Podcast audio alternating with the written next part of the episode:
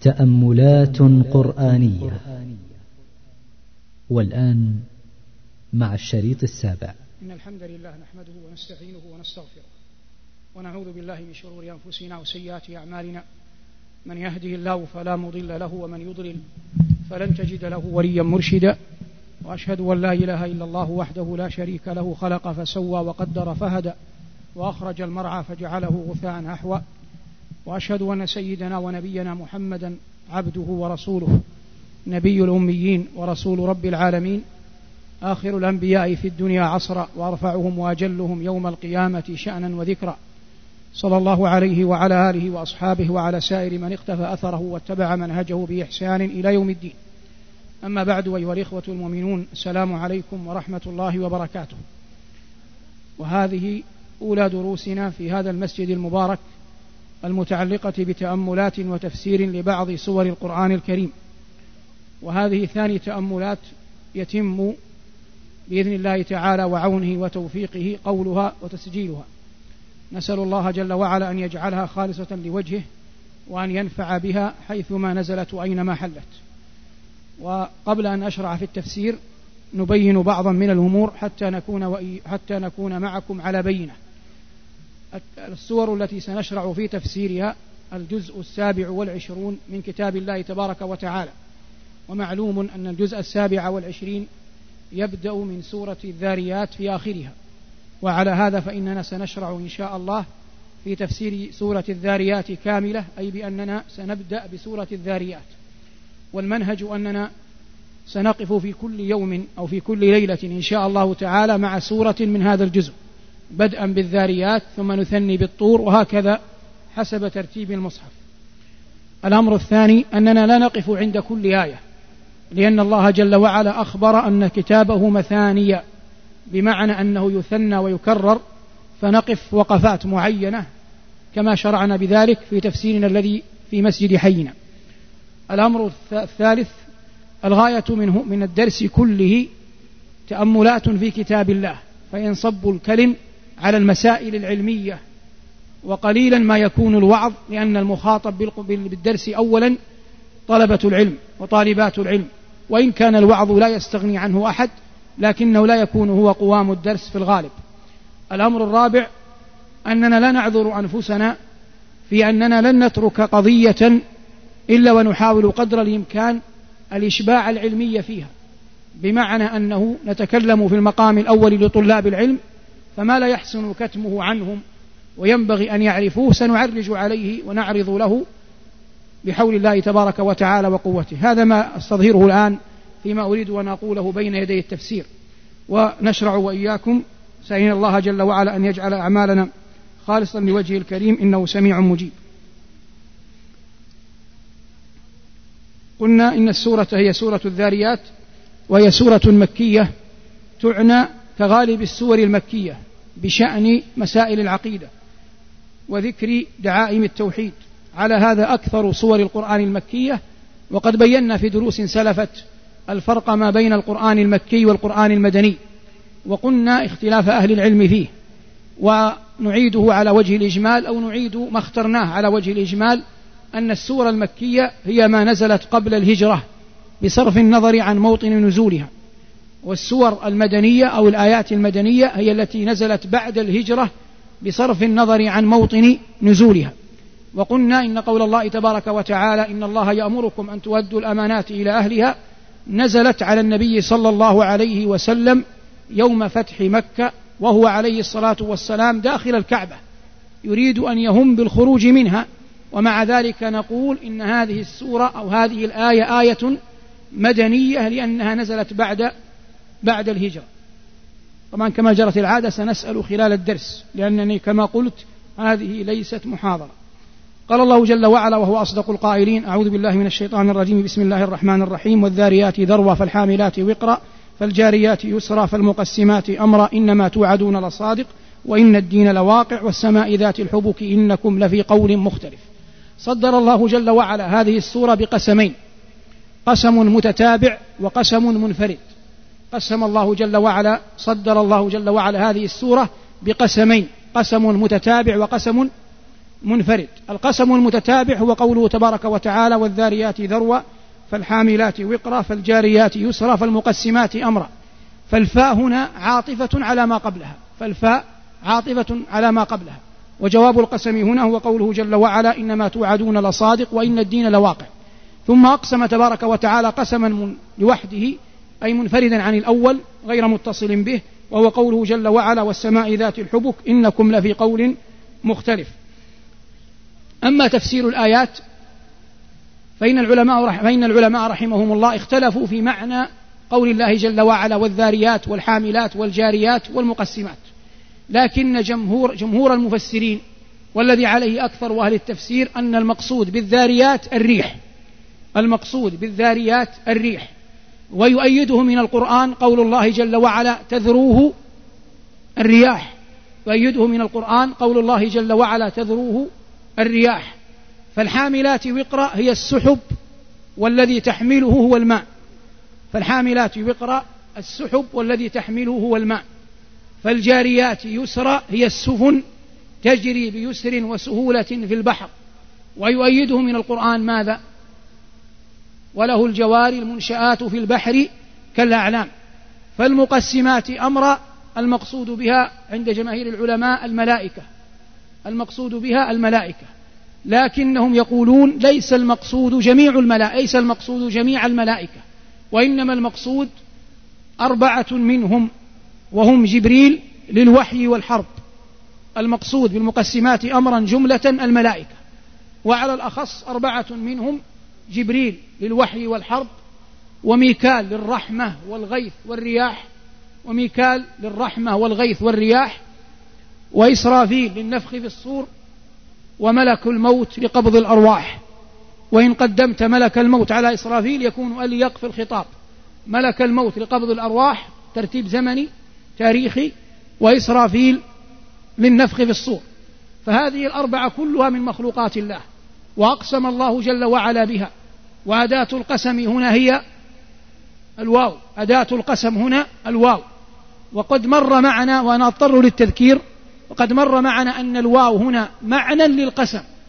وأما كعمل نحوي فإنها تجر ما تجر ما بعدها. ولذلك قال تعالى والذاريات ذروا.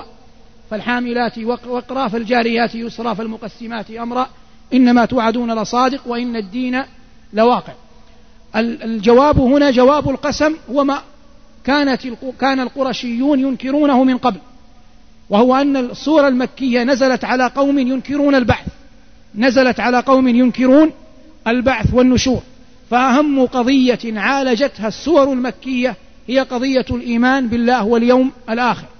ومن جملة الآثار التي تدل على صحة هذا التفسير أي أن الجاريات هي السفن والحاملات هي السحب والذاريات هي الريح والمقسمات هي الملائكة ما روي عن أمير المؤمنين. علي بن أبي طالب رضي الله تعالى عنه وأرضاه أنه صعد المنبر ثم قال رضي الله عنه في أيام خلافتي أيها الناس اسألوني قبل أن تفقدوني فإنكم لن تسألوا بعدي من هو مثلي رضي الله عنه وأرضاه. فقام إليه رجل يقال له ابن الكواء فقال يا أمير المؤمنين ما الذاريات ذروة؟ فقال الريح. فقال فما الحاملات وقرا؟ قال السحب.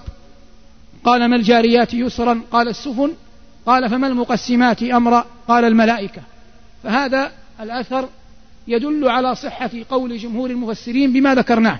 وبعض العلماء يقول إن الذاريات ذروا هي المرأة عندما تحمل. وبعضهم حمله على غير ذلك. لكننا نقف هنا بالذات عندما قاله جماهير العلماء لأن الآثار تدل عليه وكذلك من قبل يدل عليه كلام الرب جل وعلا كما بينا في ذكرنا لما يدل على الجاريات وعلى ما يدل على الذاريات. قال الله جل وعلا قلنا إن جواب القسم إنما توعدون لصادق وإن الدين لواقع. ما يوعدون أي البعث والدين المقصود به هنا الجزاء والحساب. الدين هنا الجزاء والحساب وما يوعدون ما وعدهم النبي صلى الله عليه وسلم من البعث. هذا هو القسم الأول في الآية.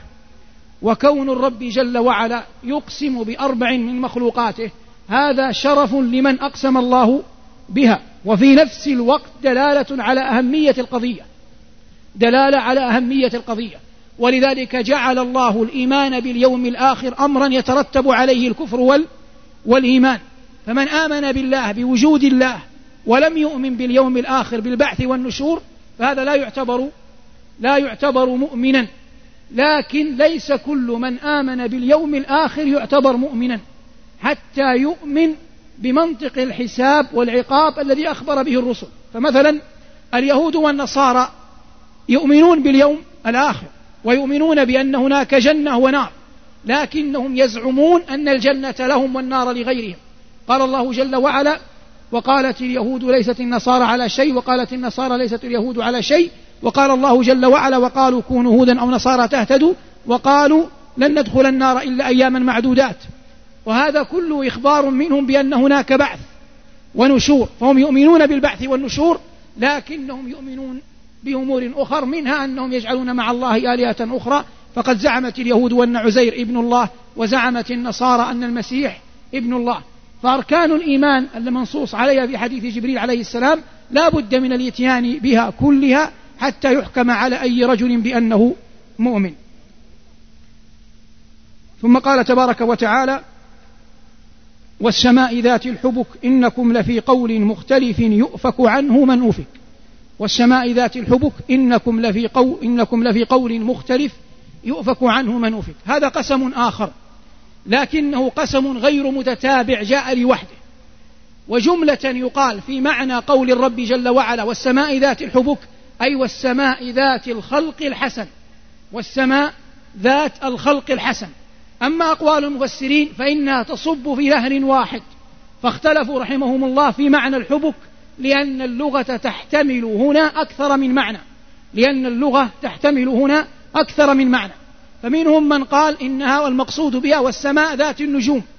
من باب قولهم حبكت الشيء بمعنى زينته. والنجوم زينة لماذا؟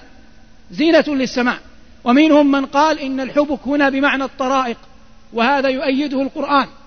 فوقكم سبع طرائق. ومنهم من قال ذات الحبك أي الشيء المحفوظ. وهذا يؤيده قول الرب تبارك وتعالى عن السماء أنه جعلها سقفا محفوظا. وإلى غيرها من الأقوال لكن هذه الأقوال كلها يجمعها أنها السماء ذات الخلق ذات الخلق الحسن. وهذا اختيار ابن جرير الطبري رحمه الله. وكل من قال من المفسرين قولا غير هذا فإنه لا يبعد عنه ويصيب فيه. ثم قال جل وعلا إنكم لفي قول مختلف يؤفك عنه من أفك. هذه نقف عندها. إنكم لفي قول مختلف. إن قلنا إن. قال العلماء قال بعضهم في قول مختلف أي مصدق ومكذب. إن قلنا بهذا أن المعنى في قول مختلف يعني ما بين مصدق بالبعث وما بين مكذب له. إن قلنا بهذا تصبح الآية مخاطب بها من؟ لا ما يصبح الكفار. يصبح ماذا؟ جميع الناس. لأنه قلنا الكفار الكفار لا يصدقون بالبحث بالبحث.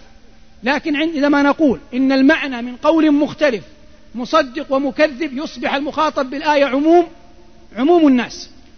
وقال بعضهم وهم الأكثر قالوا في قول مختلف أي اختلفتم في النبي صلى الله عليه وسلم. فمنكم من قال إنه شاعر ومنكم من قال إنه كاهن ومنكم من قال إنه ساحر ومنكم من قال إنه مجنون على هذا القول يصبح إنكم كاف الخطاب عائدة على من؟ على الكفار وكفار قريش في المقام الأول واضح؟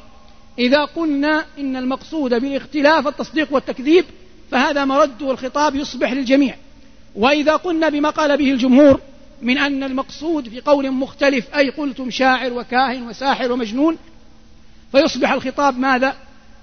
الخطاب لكفار قريش. إنكم لفي قول مختلف يؤفك عنه من أفك. المعنى يؤفك عنه من أفك أي يصرف عنه من يصرف ويدفع عنه من يدفع بقدر الله. يصرف عنه من يصرف ويدفع عنه من يدفع بقدر الله. لكن يبقى هنا عنه عن جارة والها ضمير. تعود على من؟ تعود على النبوة. وتعود على القرآن وتعود على البعث والنشور. فالإيمان به يصرف عنه من صرفه الله جل وعلا عن الإيمان. واضح؟ هذا قول علماء التفسير في هذه الآية. ونقول غير متجرئين والله تعالى أعلم إن هذا القول في نظرنا لا يستقيم. وأنا أقول والله تعالى أعلم إن معنى قول الرب تبارك وتعالى إنكم لفي قول مختلف يؤفك عنه من أفك. نقول لا يمكن أن يقسم الرب على شيء لم ينكره أحد. لا يمكن أن يقسم الرب على شيء لا ينكره أحد. مثلا الله قال والذاريات ذروة. ثم قال إنما توعدون لصادق وإن الدين لواقع. لماذا أقسم الله؟ لأنهم أنكروا البعث والنشور. واضح؟ لكن إذا أخذنا بقول المفسرين إنكم لفي قول مختلف معنى الآية أن هؤلاء القرشيين اختلفوا في النبي صلى الله عليه وسلم هذا لا يحتاج إلى قسم. لأنهم لم ينكروا اختلافهم في النبي صلى الله عليه وسلم. ثم إننا إذا أخذنا التي بعدها يؤفك عنه وجئنا بالضمير فإن الضمير لا يمكن أن يعود على قول مختلف يعود على القرآن يعود على النبوة يعود على البعث والنشور كما قال العلماء. وهذا تكلف في الخطاب. فيصبح معنى الآية فيما نظن والله أعلم أن معنى قول ربنا جل وعلا إنكم لفي قول مختلف أي هذا القول الذي جاء به محمد صلى الله عليه وسلم مختلف مغاير لما عهدتموه من الأقوال. مختلف مغاير لما عهدتموه من الأساطير والأقوال. وهذا القول الذي هو الإيمان جملة يصرف عنه من يريد الله جل وعلا صرفه. يصرف عنه من يريد الله تبارك وتعالى صرفه عنه. فيصبح إنكم لفي قول مختلف أي في نبأ جديد مختلف عما عهدتموه. مما ينقل لكم من أساطير الأولين يؤفك عنه من أفك أي يقبله من يريد الله ويصرف عنه ويغا ويدفع عنه من يريد الله تبارك وتعالى أن يصرفه ممن لم يكتب الله جل وعلا له الهداية. ولا أعلم أحدا قال بهذا القول من قبل لكن لا يمنع من الجهر به لأنني قلت أننا في مجلس علمي وأنت لا يمنعك لا يلزمك شيء من قبوله. لا يلزمك شيء من قبوله. وقلت إن العلماء على قولين. قول الجماهير إنكم لفي قول مختلف المقصود أنكم اختلفتم في النبي صلى الله عليه وسلم. وآخرون قالوا أي ما بين مصدق ومكذب فيكون مرد الآية للناس وعلى منهاج قريش يكون الم... الم... وعلى منهاج العلماء جماهير العلماء يكون المرد على خطاب كفار قريش. والله تعالى أعلم أين مكمن الصواب. هذه هي الوقفة الأولى في سورة الذاريات. الوقفة الثانية في قول الرب تبارك وتعالى إن المتقين في جنات وعيون آخذين ما آتاهم ربهم إنهم كانوا قبل ذلك محسنين كانوا قليلا من الليل ما يهجعون وبالأسحار هم يستغفرون. هذه الأربع آيات فقط وأنا قلت أخطاء. ذكر الله قبلها أهل الكفر ثم ذكر الله جل وعلا أهل الإيمان في آيات ظاهرة لا تحتاج إلى تفسير. إن المتقين في جنات وعيون آخذين ما آتاهم ربهم. هذه آخذين تحتمل معنيين. إما أن يكون المقصود آخذين وقت دخولهم الجنة. فيصبح المعنى ما هم فيه من النعيم. والمعنى الآخر أن يكون حال عندما كانوا في الدنيا. الله يصف أحوالهم عندما كانوا في الدنيا. يصف حال المحسنين عندما كانوا في الدنيا. فيقول آخذين ما آتاهم ربهم. إذا قلنا بهذا وهو أنهم آخذين ما آتاهم ربهم معناها في الدنيا فيصبح المعنى كانوا راضين عن من؟ راضين عن الله. ولأنهم رضوا عن الله أخذوا عنه. أخذوا الأمر بماذا؟ بتنفيذه. والنهي بماذا؟ باجتنابه. والمصائب بالصبر. والنعماء بماذا؟ بالشكر. هذا معنى ما أخذين ما أتاهم ربهم. أخذوا الأمر بماذا؟ قلنا بامتثاله وإنفاذه. وأخذوا النهي باجتنابه. وأخذوا المصائب بماذا؟ بالصبر. وأخذوا النعماء بالشكر. هذا إن قلنا إنها حال لهم في الدنيا. وإن قلنا إنها حال لهم في الآخرة فآخذين ما آتاهم ربهم. هذه ظاهرة. لا تحتاج إلى تفسير أي أنهم يتقلبون في نعم الرب تبارك وتعالى. إنهم كانوا قبل ذلك محسنين. ثم ذكر الله جل وعلا صفة من صفاتهم وهي التي نقف عندها وقفة علمية لا وقفة وعظية كانوا قليلا من الليل ما يهجعون وبالأسحار هم يستغفرون. الله جل وعلا هنا يخبر عن حال أهل النعيم. فالآية في سياق ماذا؟ في سياق المدح في سياق المدح. وأنت تفسر لا بد أن تستحضر سياق الآية حتى لا تقع في حواجز اللغة. لا بد أن تستحضر الآية حتى لا تقع في حواجز في حواجز اللغة. كانوا قليلا من الليل ما يهجعون. هذه ما تحتمل كم معنى؟ معنيين. المعنى الأول أن تكون نافية والمعنى الثاني أن تكون صلة أن تكون صلة بمعنى الذي. المعنى الأول أن تكون نافية وأن تكون أو أن تكون صلة. نطبق الأولى. إذا قلنا إنها نافية يصبح معنى الآية كانوا قليلا من الليل لا يهجعون. كانوا قليلا من الليل لا يهجعون. فيصبح أيهما أكثرهم؟ مناما أو قياما؟ مناما. فيصبح أن قيامهم في الليل قليل بالنسبة إلى ماذا؟ إلى النوم. هذا إذا قلنا إن ما هنا ماذا؟ نافية. وإن قلنا إنها صلة صلة. يصبح المعنى كانوا قليلا من الليل ما يهجعون يصبح أنهم أكثر الليل ماذا؟ قائمين. قياما بين يدي ربهم وقليلا ما ينامون. الآن أنت من حيث اللغة العربية الآية تحتمل كم معنى؟ معنيين لأن ما في اللغة تأتي صلة وتأتي نافية تأتي صلة وتأتي نافية ولا يعرف إلا من السياق العام. السياق العام في معرض ماذا؟ في معرض المدح والثناء. فما دامت في معرض المدح والثناء لا يمكن أن تكون ما؟ نافية. لا يمكن أن تكون ما؟ نافية. فلا يعقل أن الله يثني على خلق من خلقه وعدهم الجنان وأعطاهم ما يشاءون بأنهم كانوا أكثر الليل نياما. فحواجز اللغة هنا ما الذي أخرجها؟ السياق السياق القرآني لأنه سياق مدح وثناء على على تلك الفئة. كانوا قليلا من الليل ما يهجعون وبالأسحار هم يستغفرون والسحر آخر آخر الليل.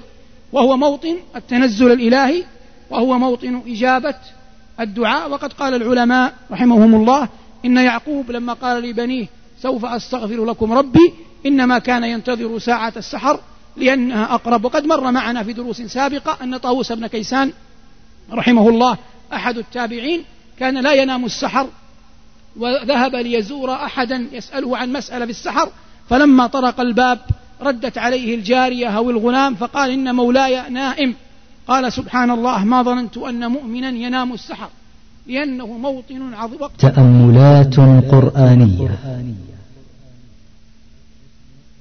تأملات قرآنية. قال سبحان الله ما ظننت أن مؤمنا ينام السحر لأنه موطن عظيم وقت عظيم فيه يتقرب الصالحون إلى ربهم جل وعلا. والنبي صلى الله عليه وسلم قال لمعاذ وصلاة الرجل في جوف الليل الآخر ثم تلا تتجافى جنوبهم عن المضاجع يدعون ربهم خوفا وطمعا ومما رزقناهم ينفقون. الوقفة الثالثة مع قول الرب تبارك وتعالى هل أتاك حديث ضيف إبراهيم المكرمين إذ دخلوا عليه؟ فقالوا سلاما. قال سلام قوم منكرون. قبل أن نشرع في التفسير نذكر القصة كاملة على عجل ثم نبين ما يمكن أن نخوضه فيها تفسيرا. هنا يخبر الله جل وعلا نبيه صلى الله عليه وسلم بنبأ ضيفه إبراهيم المكرمين وهم ملائكة كرام. قيل إنهم جبريل وإسرافيل وميكال نزلوا من السماء في أصل مهمتهم أن يعذبوا قوم لوط. ولوط عليه الصلاة والسلام ابن أخ لمن؟ ابن أخ لإبراهيم. كان يسكنان في أرض بابل في العراق. فلما أمر تآمر القوم على إبراهيم وأحرقوه هاجر لوط بزوجته وابنتيه وكذلك إبراهيم تركوا أرض العراق. فنزل لوط عليه الصلاة والسلام في أرض سدوم جهة الأردن حاليا في الضفة الشرقية من الأردن. ونزل إبراهيم عليه الصلاة والسلام في القدس في بيت المقدس في أرض فلسطين. فأصبحوا غير بعيدين بعضهما عن بعض بالنسبة لإبراهيم وبالنسبة لوط فلما جاءت الملائكة مرسلة لتعذب قوم لوط لأنهم أنكروا نبوة نبيهم وجاءوا بالفاحشة العظيمة مرت الملائكة وهي في طريقها على إبراهيم. وكان إبراهيم آنذاك متزوجا من سارة الحرة وليس من هاجر الأمة وكان مع سارة في أرض بيت المقدس. فلما جاءها كان إبراهيم يفتح بيته للضيفان فلذلك لم تستأذن الملائكة. فدخلت البيت على إبراهيم عليه الصلاة والسلام في صورة رجال غير معروفين فاستقبلهم وهو منكر لهم لأنه لا يعرفهم. ولما حيوا كأنهم سلموا بطريقة غير معهودة. قالوا سلاما قال سلام قوم منكرون فدخلوا عليه.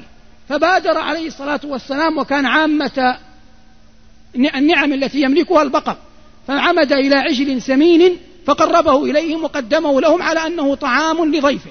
لكن الملائكة لا تأكل ولا تشرب ولا توصف لا بذكورية ولا بأنوثية فلم تقرب أيديهم الطعام. فازداد خوفه قال الله فأوجس منهم خيفة. فلما شعر بالخوف طمأنته الملائكة وأخبروه أنه رسل من الله. فلما زالوا عنه الخوف بشروه. قال الله تعالى فبشرناه بغلام عليم. وقال في آية أخرى فبشروه بغلام حليم. فلما قال لهم البشارة كان الذي يتولى خدمة الضيوف إبراهيم بنفسه ومعه زوجته سارة. فلما قالوا ذلك أحدثت الزوجة كردة فعل متعجبة أحدثت صوت. قال الله جل وعلا فأقبلت امرأته في صرة. هنا أقبلت مو بمعنى مشت وإنما أخذت في الفعل. أقبلت هنا بمعنى أخذت في الفعل. نظير قول الله وطفق يخصفان عليهما من ورق الجنة أي أخذ يخصفان عليهما من ورق الجنة. فأقبلت المرأة في صرة يعني أظهرت صوتا يقال صرير الباب يعني صوته. وصكت وجهها تعجبا وقالت عجوز عقيم فذكرت سببين من أسباب منع الحمل. عجوز وعقيم. قالت عجوز عقيم فأخبرت الملائكة إبراهيم وزوجه أن هذا أمر الله. قالوا كذلك قال ربك إنه هو الحكيم العليم. فاطمأن إبراهيم وقبل البشارة فلما ذهب عنه الروع والخوف سألهم لماذا قدمتم فأخبروه أنهم قدموا ليعذبوا قوم لوط. فأدركته العاطفة والشفقة على ابن أخيه لوط قال إن فيها لوطا. قالت الملائكة نحن أعلم بمن فيها لننجينه وأهله. وأخبروه الملائكة بأنهم معهم حجارة مسومة معلمة عقابا لأولئك المجرمين. هذا ما تدل عليه الآية جملة. أما التفسير فسنعرض لبعض القضايا الهامة حوله ونبدأ مستعينين بالله. قول الرب جل وعلا هل أتاك حديث ضيف إبراهيم المكرمين؟ هذا لغويا أو يسمى أسلوب تفخيم أسلوب تفخيم حتى يتهيأ النبي صلى الله عليه وسلم ليسمع الخطاب. كلمة ضيف تطلق على المذكر وعلى المؤنث وعلى المفرد وعلى المثنى وعلى الجمع. تطلق على المذكر والمؤنث والمفرد والمثنى والجمع. المكرمين. المعنى أنهم مكرمون أصلا ومكرمون عارضا. أعيد. مكرمون أصلا ومكرمون عارضا. كيف مكرمون أصلا؟ ملائكة. أين الدليل أنهم ملائكة مكرمون؟ كراما كاتبين. أو أوضح منها. بل عباد مكرمون. وقالوا اتخذ الرحمن ولدا سبحانه بل عباد مكرمون. هذا نعت للملائكة. هذا مكرمون أصلا. كيف مكرمون عارضا؟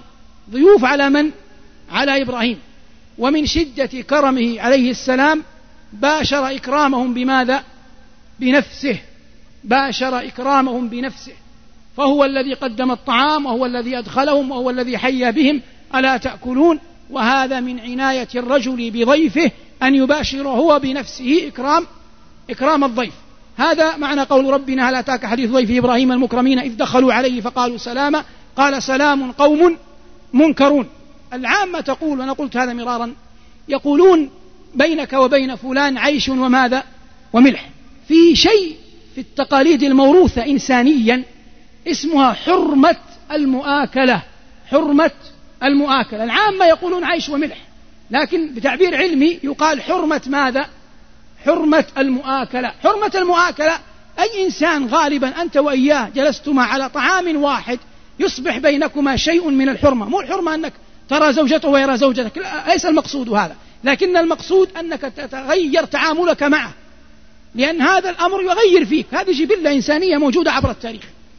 وإذا أردنا أن نخوض في هذا إنسانيا نقول موسى عليه الصلاة والسلام كان ذكيا في الصغر فلما أراد فرعون أن يقتله قدمت بأمر آسيا قدم له جمر وتمر فعمد موسى إلى ماذا؟ إلى التمر يعرف أنه تمر يريد أن يأكله فجاء جبريل ووضع يد موسى على أين؟ على الجمر حتى يفهم فرعون أن موسى هذا لا يفقه فلا يتعمد إلى ماذا؟ إلى قتله ولا أن تحرق يد موسى قليلا خير من أن يقتل واضح؟ هذا كله يساق في العملية كلها لكن هذا إيش علاقته بحرمة المواكلة لما أصابت يد موسى الحرق أصبح غير قادر على أن يأكل في الصبا بماذا؟ بنفسه فلا يستطيع أن يأكل مع من؟ مع فرعون لا يستطيع أن يأكل مع من؟ مع فرعون يحتاج إلى وقت حتى يأكل فيضطر أن لا يأكل مع الملك مع فرعون فلما يضطر موسى أن لا يأكل مع فرعون يصبح ليس هناك حرمة مؤاكلة بين فرعون وبين من؟ وبين موسى فإذا قدر الله بعد ذلك أن يزيل ملك فرعون على يد موسى لا يوجد لفرعون أي منقبة له على من؟ على موسى ولا حتى حرمة المؤاكلة واضح؟ ولا يوجد لفرعون أي مخرج على موسى أو مدخل على موسى ولا حتى حرمة المؤاكلة واضح؟ واضح القضية؟ هذا قول هنا نبي الله إبراهيم يقول لما رآهم لا يأكلوا خاف. إنسان تريد أن تقدم بينك وبينه نوع من الحرمة فيرفض الأكل يصبح يصبح يصيبك الخوف. فقال الله جل وعلا عنه منكرا لهم قال قوم منكرون. بعد أن بين الله أنه راغ إلى أهله فجاء بعجل سمين فقربه إليهم قال ألا تأكلون؟ وقلنا إن الملائكة لا تأكل وهذا مر معنا كثيرا. أن الملائكة أصلا لا تأكل ولا تشرب ولا تتناسل ولا تتناكح ولا توصف لا بذكورية ولا بأنوثية بل كما نعتهم ربهم وخالقهم بل عباد مكرمون. ثم قال تبارك وتعالى وبشروه بغلام عليم فأقبلت امرأته في صرة فسكت وجهها وقالت عجوز عقيم. قبل أن آتي عند البشارة أؤخرها قليلا وأدخل في قضايا أخرى مراعاة للوقت فصكت وجهها إذا أردت أن تفسر القرآن اجمع الآيات كاملة لا تأخذ القرآن مجزأ لن يفهم. لأن كله كلام من؟ كلام الله. فليس بعضه بأولى من؟ من بعض. هنا سارة ذكرت سببين لمنع الحمل. وهما ماذا؟ عجوز وعقيم. عجوز على وزن فعول وهي صفة وزن يجتمع فيها المذكر والمؤنث. يقال للرجل عجوز وللمرأة عجوز. وعقيم معناها واضح.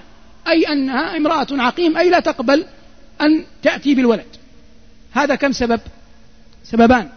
بقي سبب ثالث ذكره الله جل وعلا في هود. ما هو؟ وهذا بعلي شيخا. وهذا بعلي شيخا. إذا كم سبب ذكرت؟ ذكرت ثلاثة. والله جل وعلا هذه الأسباب ذكرها متفرقة. لكن ذكرها كلها لأن القرآن كله ينظر إليه منظار واحد. القرآن ينظر إليه منظار واحد. فذكرت سارة ثلاثة أسباب أنها عجوز وأنها عقيم وأن بعلها شيخ. وهذا بعلي شيخا قالوا وتعجبين من أمر الله كما قال الله في هود. قالوا كذلك قال ربك إنه هو الحكيم العليم. قال فما خطبكم أيها المرسلون؟ قلنا هذه بيناها. نعود للبشارة. قال الله تعالى وبشروه بغلام عليم. سار أم من؟ أم إسحاق. وهاجر أم من؟ أم إسماعيل. هنا نأتي إلى قضية. قلت أنت طالب علم. بما أنك طالب علم في أشياء ينبغي أن لا تجهلها. نحن متفقون. كل الملل كفار ومسلمين اليهود والنصارى والمسلمين متفقون. على أن إبراهيم الخليل أمر بذبح ابنه وأن الله جل وعلا فداه فدى ذلك الذبيح. لكن السؤال من هو من؟ من هو الابن؟ من هو الابن الذي أمر إبراهيم بذبحه ثم فداه الله جل وعلا بكبش عظيم. واضح؟ اختلف العلماء رحمهم الله تعالى في هذه المسألة على قولين لا ثالث لهما. في قول ثالث نقول في الأخير. قول أنه إسماعيل وقول أنه من؟ إسحاق. جمهور العلماء على أنه من؟ جمهور العلماء على أنه إسحاق. ولأجل ذلك أنا أردت التنبيه على القضية هذه لأنه لا يعقل أنه إنسان يقرأ ويقرأ العلم ويجهل هذا.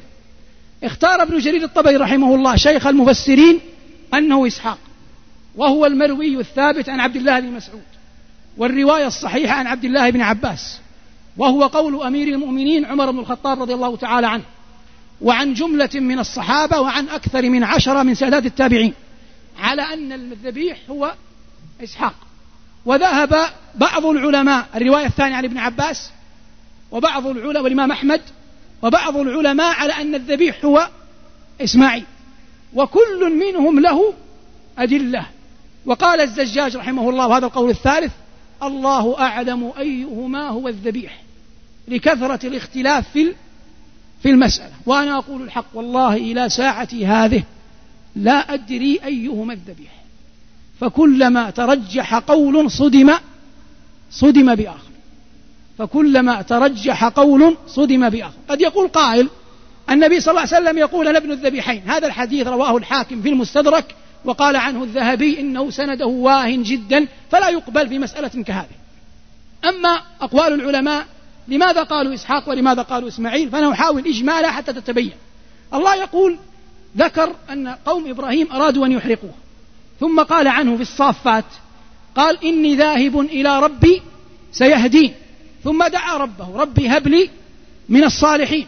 قال الله فبشرناه بغلام حليم. فلما بلغ معه السعي قال يا بني إني أرى في المنام أني أذبحك. بلغ معه.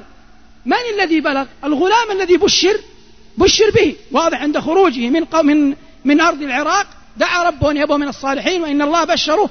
هو نفسه الذي قال الله عنه. فلما بلغ معه السعي قال يا بني إني أرى في المنام أذبحك. الذين قالوا إنه إسحاق قالوا ليس في القرآن. دليل واحد على أن الله بشر إبراهيم بإسماعيل. المبشر في القرآن هو من؟ إسحاق. وبشرناه بإسحاق نبيا. فكل القرآن يدل على أن الذي بشر به بشارة هو إسحاق. والقرآن يدل قالوا إن المقتول الذبيح هو من؟ هو المبشر به. لأن الله قال فبشرناه بغلام حليم فلما بلغ معه بلغ هذه فاعل وضمير مستتر تقديره هو يعود على المبشر به على الغلام. هذا الذي دفع العلماء للقول أنه هو إسحاق. ثم قالوا من أدلتهم قالوا إن الله يقول فلما بلغ معه السعي أي أنه عايش في كنف من؟ أجيبه في كنف أبيه. وإسماعيل لم يعش في كنف أبيه. كان مع أمه أين؟ كان مع أمه في مكة. إنما ولد سارة إسحاق هو الذي كان مع أبوه. يغدو ويروح. أما إسماعيل كان لوحده مع أبيه. وإبراهيم جاء مكة مرة ثلاث مرات. مرتان لم يجد إسماعيل. والمرة الثالثة وجده في المرتين كان يقول غير عتبة الباب ثبت عتبة الباب والمرة الثالثة وجده. هذا حجج من قال إنه إسحاق. الذين قالوا إنه إسماعيل من أكثر من انتصر لهذا الرأي العلامة الشنقيطي رحمه الله تعالى صاحب أضواء البيان.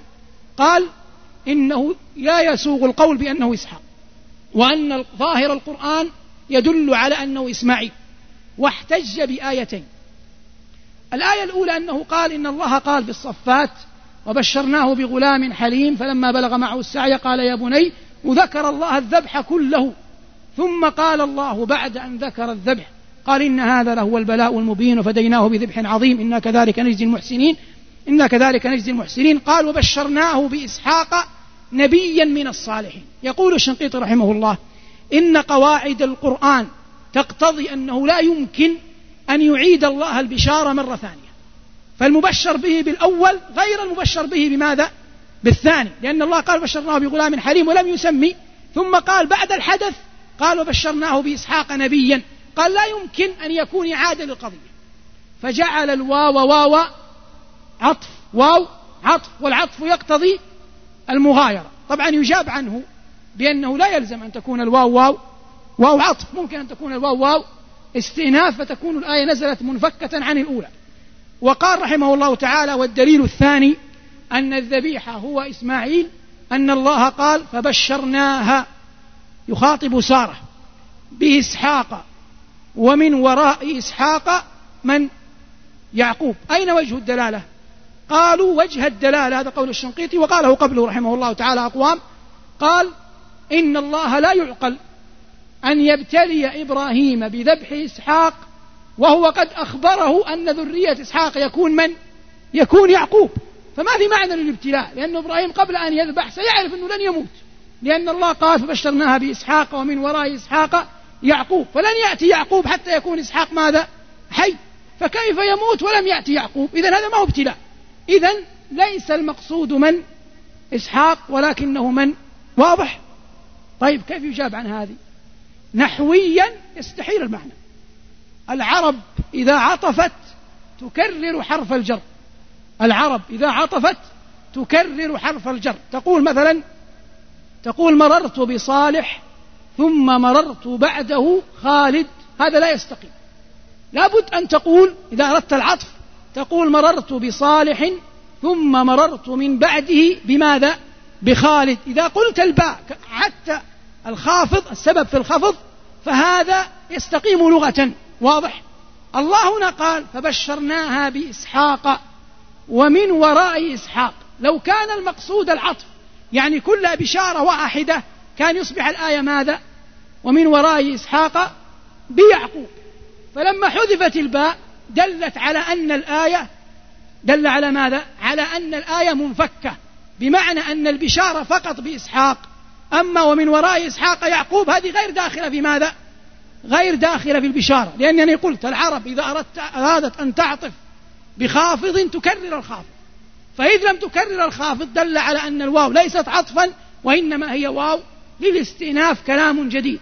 واضح؟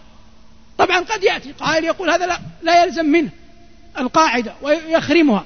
هذا الذي جعل الإنسان يتردد في أيهما الذبيحين. لكن معلوم أنه لا يتعلق بمعرفة أيهما الذبيحين عمل في حياتك اليومية. لكن الذي أردته عمدا من إثار القضية أن تعرف أول أن في المسألة خلاف وأن كثيرين من العلماء قالوا بأنه إسحاق وكثيرين آخرين قالوا بماذا؟ بأنه إسماعيل. لكن المهم جدا أن تعرف أن لكل قوم دليلا وأشهر من قال من المفسرين أنه إسحاق ابن جرير إمام المفسرين وأشهر من قال من المفسرين أنه إسماعيل الحافظ ابن كثير رحمه الله والعلامة الشنقيطي رحمه الله ورحم الله جميع علماء المسلمين. هذا واضح؟ هذه الثلاث قضايا التي أثرناها اليوم. قد يبقى من الوقت عشر دقائق. نأخذ قضية أخرى في نفس السورة ذكر الله بعد ذلك أخبار الأمم والرسل وهذه مرت معنا كثيرا في تفسيرات سلفت. لكن إذا أردتم نقف يعني إجمالا قول الله تعالى وفي عاد إذا أرسلنا عليهم الريح العقيم الريح العقيم التي لا تلقح شجرا ولا تثير سحابا. لا تلقح شجرا ولا تثير سحابا. ما تذر من شيء أتت عليه إلا جعلته كالرميم. قلنا إن هنا لا يعني العموم. درس سابق. قلنا إن هذا لا يعني العموم. فليس كل شيء أتت عليه جعلته ماذا؟ كالرميم. لأن الله قال فأصبحوا لا يرى إلا مساكنهم فأثبت وجود المساكن إلى أن نصل إلى قول الرب تبارك وتعالى فتول عنهم فما أنت بملوم وذكر فإن, فإن الذكرى تنفع المؤمنين. وذكر فإن الذكرى تنفع المؤمنين آية تحمل البشارة لمن أنزلت الآية وهم أحياء. وذكر فإن الذكرى تنفع المؤمنين آية تحمل البشارة لمن أنزلت الآية وهم أحياء. أين البشارة؟ قلت إذا أردت التفسير انظر لما القبل وما تأمل يا أخي. الله يقول لنبيه الآن الرسول ذكر الله في الآية قضية الإيمان بالبعث الآخر. ثم قال لنبيه فتول عنهم فما أنت بملوم؟ فقول الله جل وعلا لنبيه فما أنت بملوم؟ تشعر أن الله أعذر نبيه في دعوة أولئك الناس. صحيح أو غير صحيح؟ صحيح. الله يقول لنبيه فما أنت بملوم؟ واضح. وقول الله جل وعلا قبلها فتول عنهم ماذا يشعر؟ أن الأمور انتهت. أنت فعلت ما عليك دعوت أنذرت بلغت فتول عنهم اتركهم. فالمؤمنون الذين كانوا آنذاك أحياء ونزلت هذه الآية وهم موجودون أخذوا ينتظرون العذاب على من؟ على الكفار. وأن النبي صلى الله عليه وسلم انقطع الوحي بالنسبة إليه لأن الله أعذره وأمره أن يتولى. قال فتولى عنهم فما أنت بملوم. وأعذره الله تبارك وتعالى. ثم لما أصابهم هذا الخوف أخبر الله أن الوحي ما زال مستمرا فقال بعدها وذكر فإن الذكرى تنفع المؤمنين. يعني لا تقطع البلاغ استمر في تذكيرك. فهذا يدل على أن الوحي آنذاك غير غير منقطع. فأصبحت هذه الآية كما قال علي رضي الله عنه وغيره أصبحت نوع من البشارة لمن؟ للمؤمنين. فتولى عنهم فما أنت بملوم وذكر فإن الذكرى تنفع المؤمنين. هذا ما تهيأ إراده. وتيسر قوله حول هذه السورة وأسأل الله جل وعلا أن يتقبل منا ومنكم. تأملات قرآنية.